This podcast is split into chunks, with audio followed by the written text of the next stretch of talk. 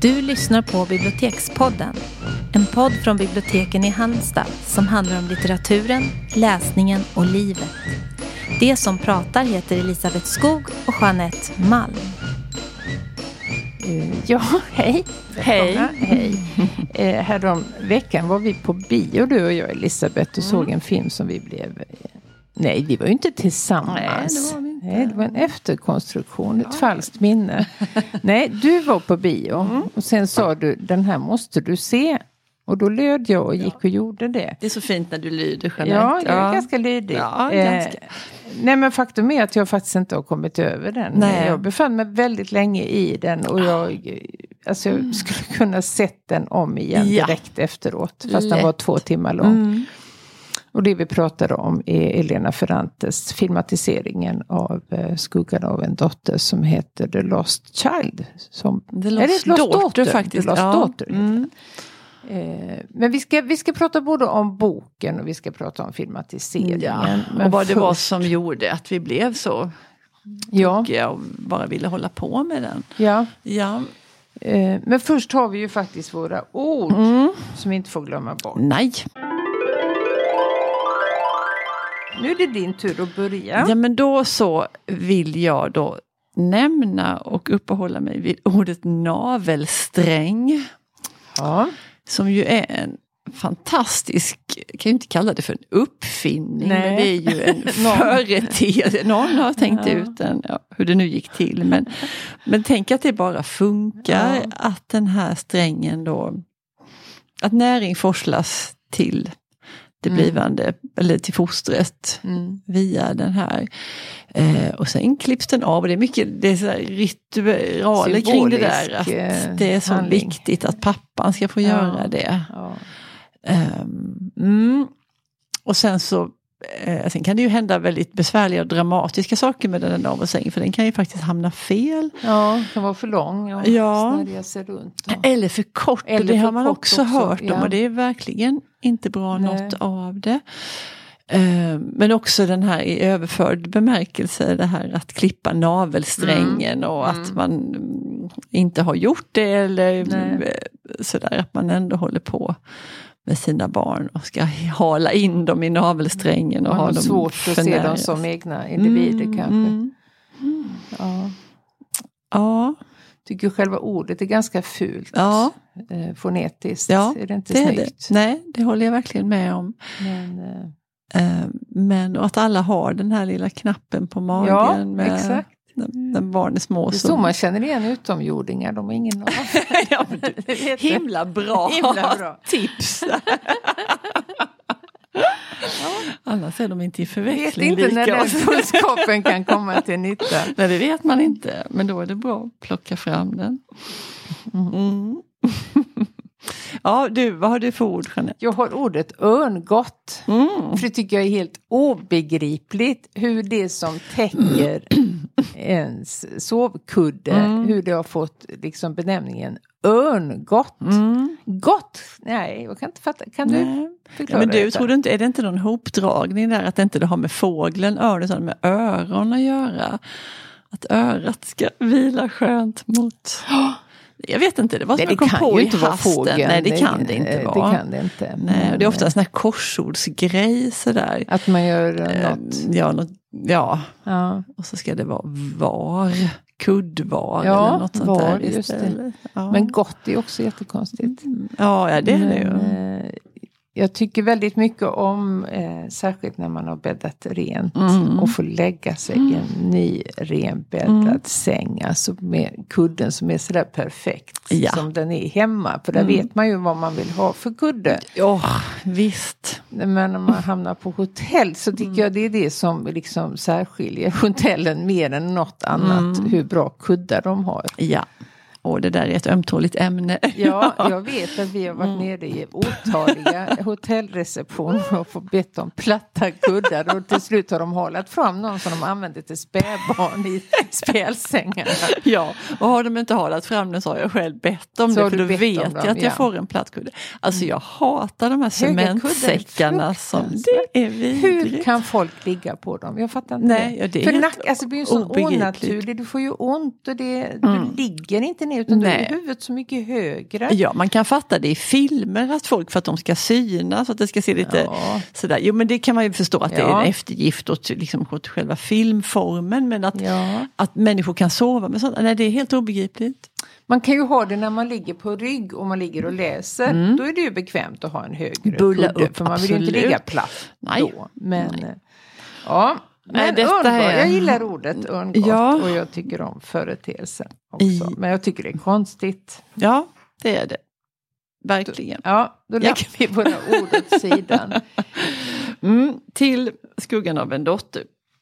Alltså de här böckerna, jag nu inte, nu har jag inte hunnit forska riktigt, men jag har bestämt för mig att hon skrev innan Elena Ferrante blev så uppmärksammad med Neapelkvartetten och som började med min fantastiska väninna som verkligen gjorde ett segertåg bland läsande människor. Det var, Alla läste dem och det var så fantastiskt kul för det var ju Ja, det var det. jätte, jätte, jättebra böcker som Ja. alla ville läsa. Det hände banne mig inte så ofta. Nej, inte just att de är bra också. Nej, Det nej. det man, kunde ju, man sprang ju benen av sig för att man, folk skulle få dem och få dem i rätt ordning. Och när kommer Ja. nästa? Och, och de var tjocka och härliga. Mm. Och, ja, det var en fröjd. Mm. Ehm, men efter de var utgivna och översatta i Sverige så, gav förlaget ut några romaner som hon hade skrivit tidigare. Mm. Och med mig var det nu så att de läste jag lite av bara farten. Så jag gillade dem. Jag, ehm, jag kommer ihåg särskilt en och det är inte den som vi ska prata om nu för nu ska vi prata om den som heter Skuggan av en dotter som du har sagt. Mm. Ehm, och det var alltså hon, tre böcker om tre berättelser om kärlek. Mm. Så de hänger liksom tematiskt ihop de här tre. Där den här är den, den sista i raden. Ja. Men de har ju olika persongallerier Ja, och så. Det är absolut. inte som kvartetten där. nej, det... nej, nej, nej. Så jag, jag betraktade inte dem ens som, som liksom att de hängde ihop. Men de andra två heter Dagar av ensamhet, vilket tangerar ett annat poddämne vi har haft här ganska för inte så länge sedan. Och den andra heter Plågsam kärlek. Mm. Eh, ja, men jag drog i mig dem eh, lite snabbt. Och jag måste då tillstå att den här Skuggan av en dotter inte gjorde något jättestort intryck på mig då. Nej. Hur var det för dig? För jag läste berätta. de två första men Mm. inte Skuggan av en dotter. Så jag har inte Nej. läst den. Nej. Ehm, Nej. och det vet jag inte varför Nej. alls. Det finns inget, det var inget, ingen aktiv... Nej, eh, men det, det är så mycket böcker hela tiden Ja. och vi översvämmas och vi ska prata om böcker och presentera och Mm. ha åsikter och allt vad det är. Så att det är ju inte konstigt alls om, om det blir så, men det är ju härligt att det finns kvar och mm. upptäcka det. För även om jag läste den då så har jag läst om den nu. Och jag var precis som du sa om, om när vi hade sett filmen så var jag bara, jag ville bara vara kvar där. Jag tyckte Mm. det var en sån otrolig rikedom av ögonöppnare, av formuleringar, av stämningar och persongalleri som jag bara inte kunde släppa ifrån mig. Nej. Och så är det ju när man läser boken nu igen. Så, eh, alltså det är så himla, men vi måste ju säga vad det handlar om. Ja, ja. handlar och handlar. Men vad handlar den om? ja. Huvudpersonen heter Leda. Ja, och det är ju Leda. det, alltså det är något av det bästa med boken. Mm. Namnet Leda, jag tycker det är fantastiskt. Ja. Det är väl också bibliskt va? Ja, Leda och Svanen finns det ju Ja, något som det. heter. Ja. Om det är någon. Ja. Mm. Men det, man förstår ju det i, nu som jag har sett filmen Mm. då, att det är inget vanligt namn. Utan Nej. hon får ju förklara Nej, det här. det blir hon- missuppfattningar Ja. och sa du något Eh, annat. Men att hon är väldigt stolt över sitt namn. Hon Mm. tycker själv om det. Ja, det är ett snyggt namn. Mm. Ja. Ehm, jo, hon är huvudpersonen. Ehm, hon tillbringar en semesterperiod. Eh, hon är akademiker, hon är ganska högt. Det gått bra för henne. Ja. Ehm, nu ska hon tillbringa några veckor eh, vid kusten och det är i Italien. Men hon, ehm, hon är där ensam. Hon är Mm. skild sedan flera år och hon är mamma till två döttrar. Hon fick barn ganska tidigt för hon är i 45-årsåldern men de är vuxna de här två döttrarna. De Mm. är 23-25 tror jag. Mm. De heter Bianca och Marta. Eh, hon åter, det är lite viktigt för det här, det här handlar jättemycket om mödrar och döttrar. Mm. Helt enkelt. Um, men nu är hon på semester eh, på egen hand. Och man, man, man, förstår, både när man ser filmen och det förstår man i boken också, att hon är, hon är, ganska, hon är trygg och välklädd och hon har pengar och mm. status och sådär. Och hon hyr en våning i den här semesterorten och hyrt en bil och tagit sig dit. Och hon ska sola och vila sig men också arbeta en del ja. på en akademisk artikel som hon håller på med. Eh, men på stranden där så får hon mycket, eh, blir hon väldigt intresserad av en myllrande stor familj. Som är ganska vulgär. Mm, precis. Hon är väl fascinerad av liksom det här, alltså det är, väldigt, det är mycket gap och ganska vulgärt Mm. språk. Och, eh, så hon tittar liksom med fascination på dem. Ja. Och även samspelet mellan eh, en mamma och en dotter. Där. Precis, och, och ja, också de andra relationerna mellan och att, att um, man, man får liksom lite för sig att de kanske är lite halvkriminella. Det är liksom inte helt rent Nej, mjöl i påsen. Och, och brackigt ja, och som du sa, vulgärt. Ja. Liksom. Och sen får man ju också veta efterhand att, att det finns mycket av det här som påminner om det hon själv har lämnat. Eh, sin egen Mm. Exakt, ursprungsfamilj. Ja, Ja. hon känner igen det. Hon känner igen snacket. Och det är också det här med Italien, det här med att prata napoletanska. Ja. Eller prata riktig italienska.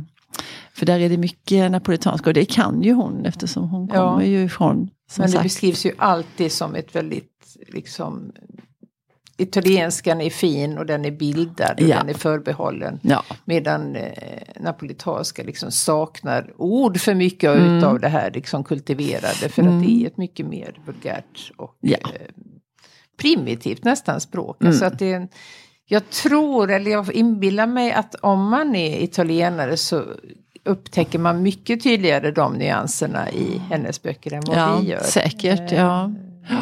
Hon har varit extremt noga med att hennes barn pratar ju bara italienska. Sen kan hon raljera lite, de Ja. kan liksom skoja lite om de här napolitanska termerna för att de Mm. vet att...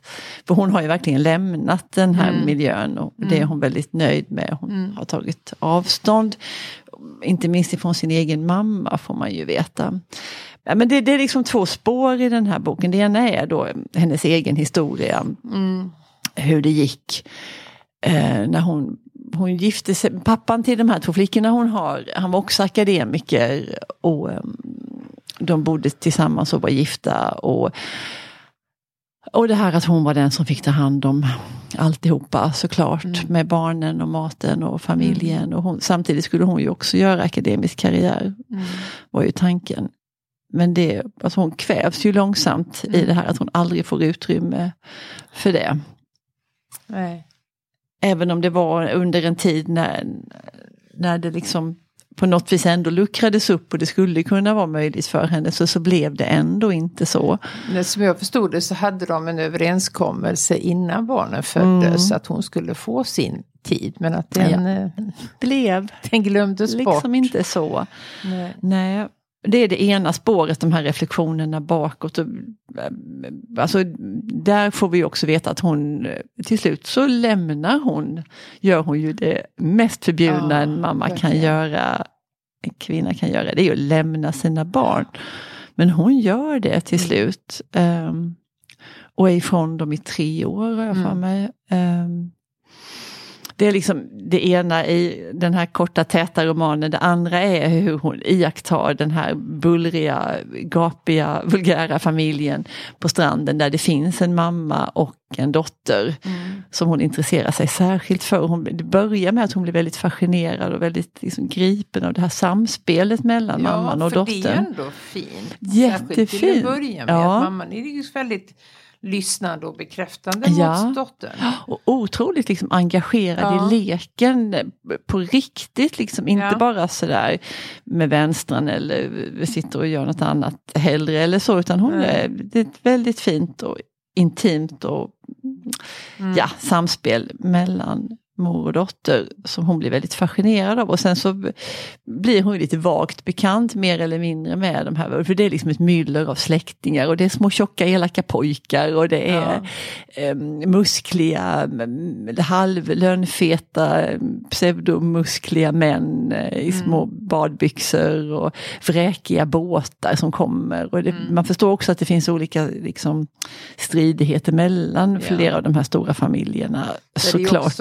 Laddad scen när de, de ska, det är en av de här eh, kvinnorna i det här sällskapet som fyller år. Mm. Och då ska de ju fira henne på stranden mm. och då mm. ber de henne att hon ska Just flytta det. sig så att mm. de kan liksom...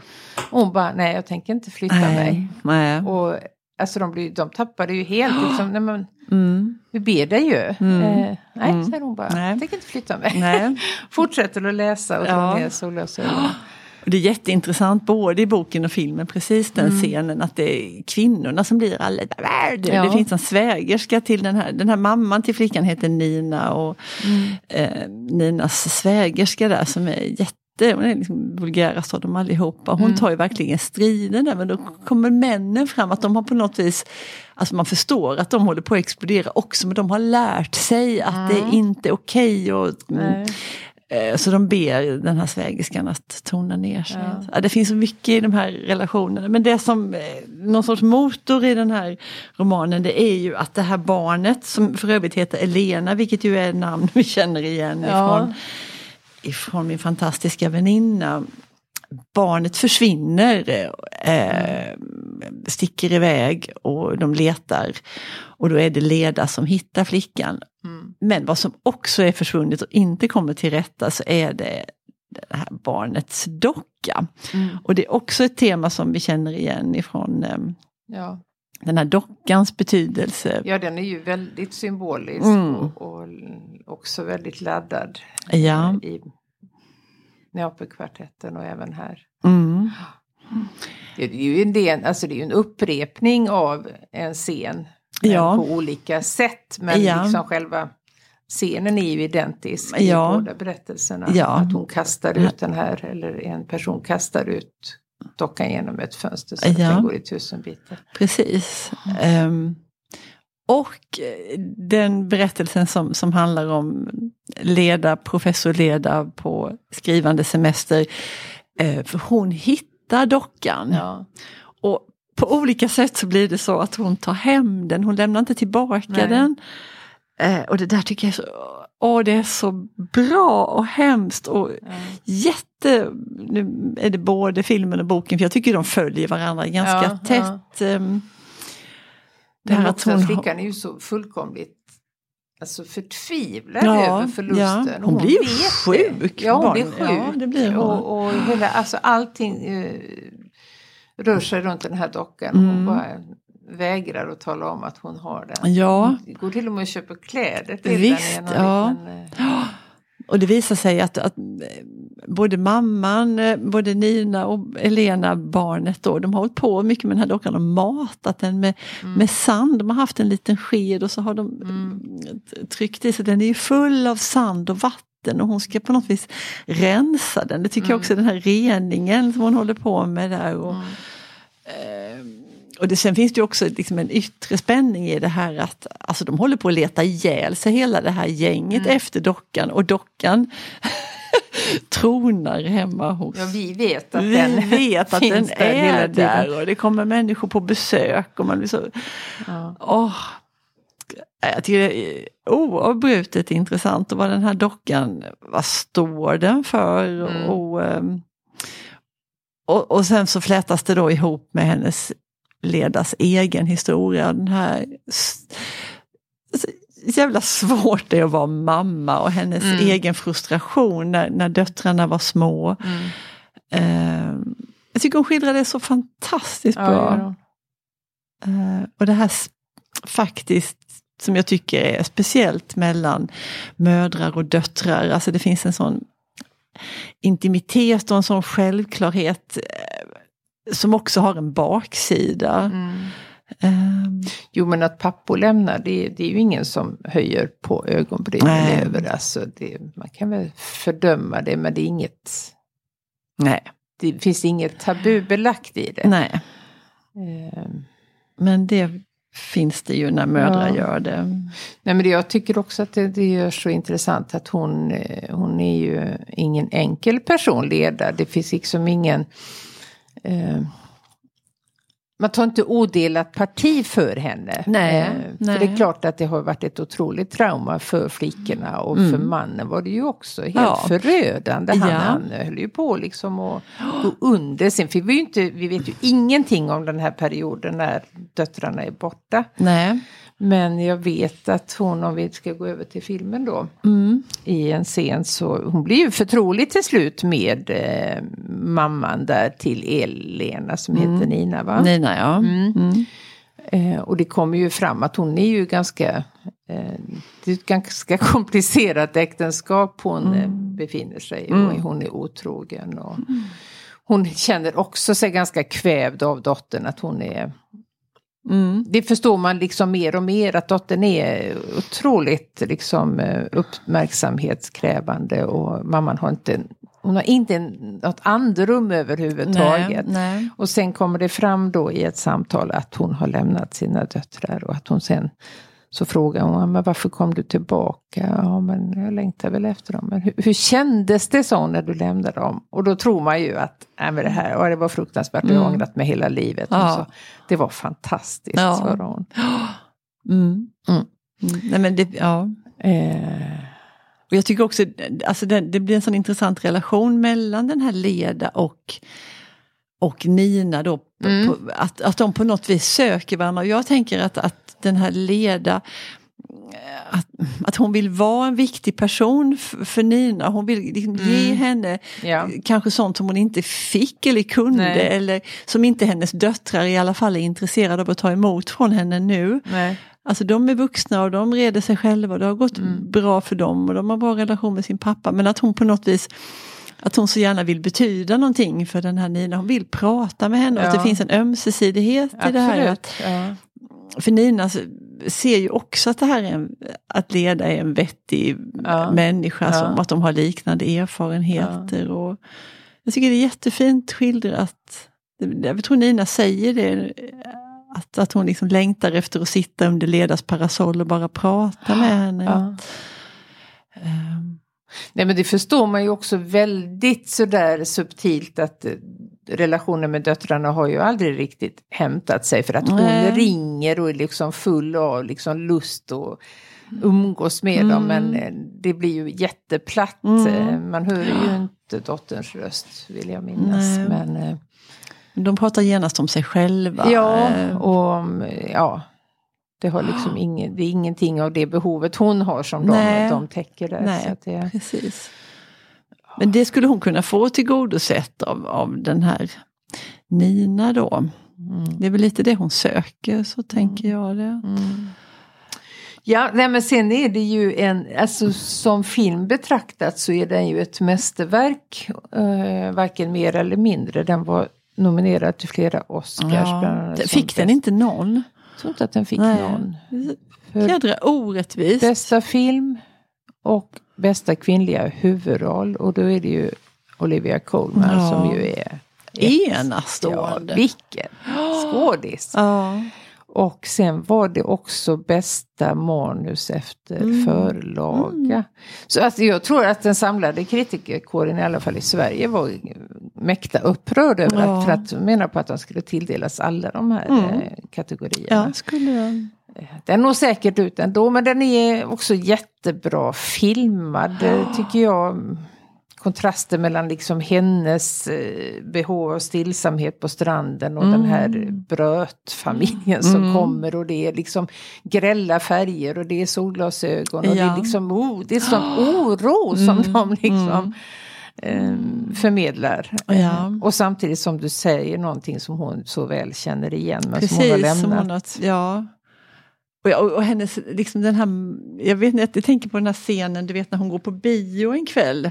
Ja, Leda. Var eh, Ja, det är någon sorts utomhusbiograf eller Ja. något, det är lite oklart. Men, men hon ska gå på bio, där sitter ett jättestörigt gäng med unga killar som, som är helt vidriga, som Mm. Ja, gapar och skriker och, och förstör liksom hela hennes upplevelse. Och hur hon säger till dem och Alltså hon är ju också en auktoritär person och har liksom Ja. van vid att bli lyssnad på. Och Mm. sådär. Och hon blir, de bara hånflabbar ju Ja, åt ja. henne. Och, eh, De håller ju på att skratta ihjäl sig. Ja. Hur ska du hindra oss? nej. Hon försöker hon, jag ska ringa min, efter polisen. ja, hon ska, börja, hon ska först leta upp någon, någon personal som det heter då. Ja. Där, och det funkar ju inte det heller. Hon ska ringa polisen och de jag tycker det där maktspelet där och Ja. hennes liksom, totala hjälplöshet. Nej, men hon har ju ingen på sin sida. Nej. Eh, Och misslyckas kapitalt. Men eh, Mm. ja, tyst stöd ifrån vissa andra biobesökare. men, det- de vågar ju inte. Nej, det är ju inget liksom- som, Nej. som hjälper henne. Nej, men vi kan väl kort säga att man både filmen och boken. Ja, Eller? absolut. Och man kan läsa cirklar, träffas och läsa den här boken. Och den är inte ja, 100, ska se hur många sidor den är. Ja, de är 140, korta. 150 kanske, 147 sidor. Mm.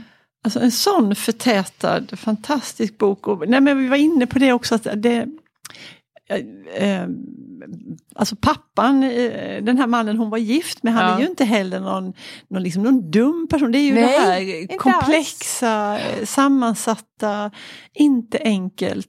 Ingenting är entydigt Nej. på det ena eller andra Nej. sättet. Och det är ju det som gör det intressant. Precis, och som du sa, man gillar leda men inte odelat. Nej, och, man förstår att hon, alltså hon är ju en självisk person såklart. ja. Eh, men inte bara, eh, nej, men helt mänsklig och hon Mm. tillåter sig liksom att det här har inte förstört hennes liv. Nej. Men hon är he- heller inte okänslig över liksom hur det har påverkat de Nej, andra. nej. Eh, Det var ett val hon gjorde och det får hon leva med. Ja.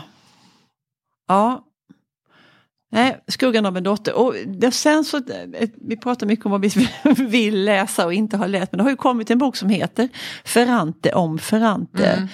Som jag tror är en liksom, ganska eh, tjock essäsamling med olika Ja. betraktelser och eh, texter som hon har skrivit. Så jag blev jättesugen på, jag skulle vilja ha den boken och, liksom, Mm. och läsa mer av om henne. För jag tycker hon är ju ett geni. ja, det är Jag har hon. glömt bort hur bra hon är men det blev jag verkligen påmind igen. Mm. Ja, men detta om detta för idag. Vi säger hej! Hej!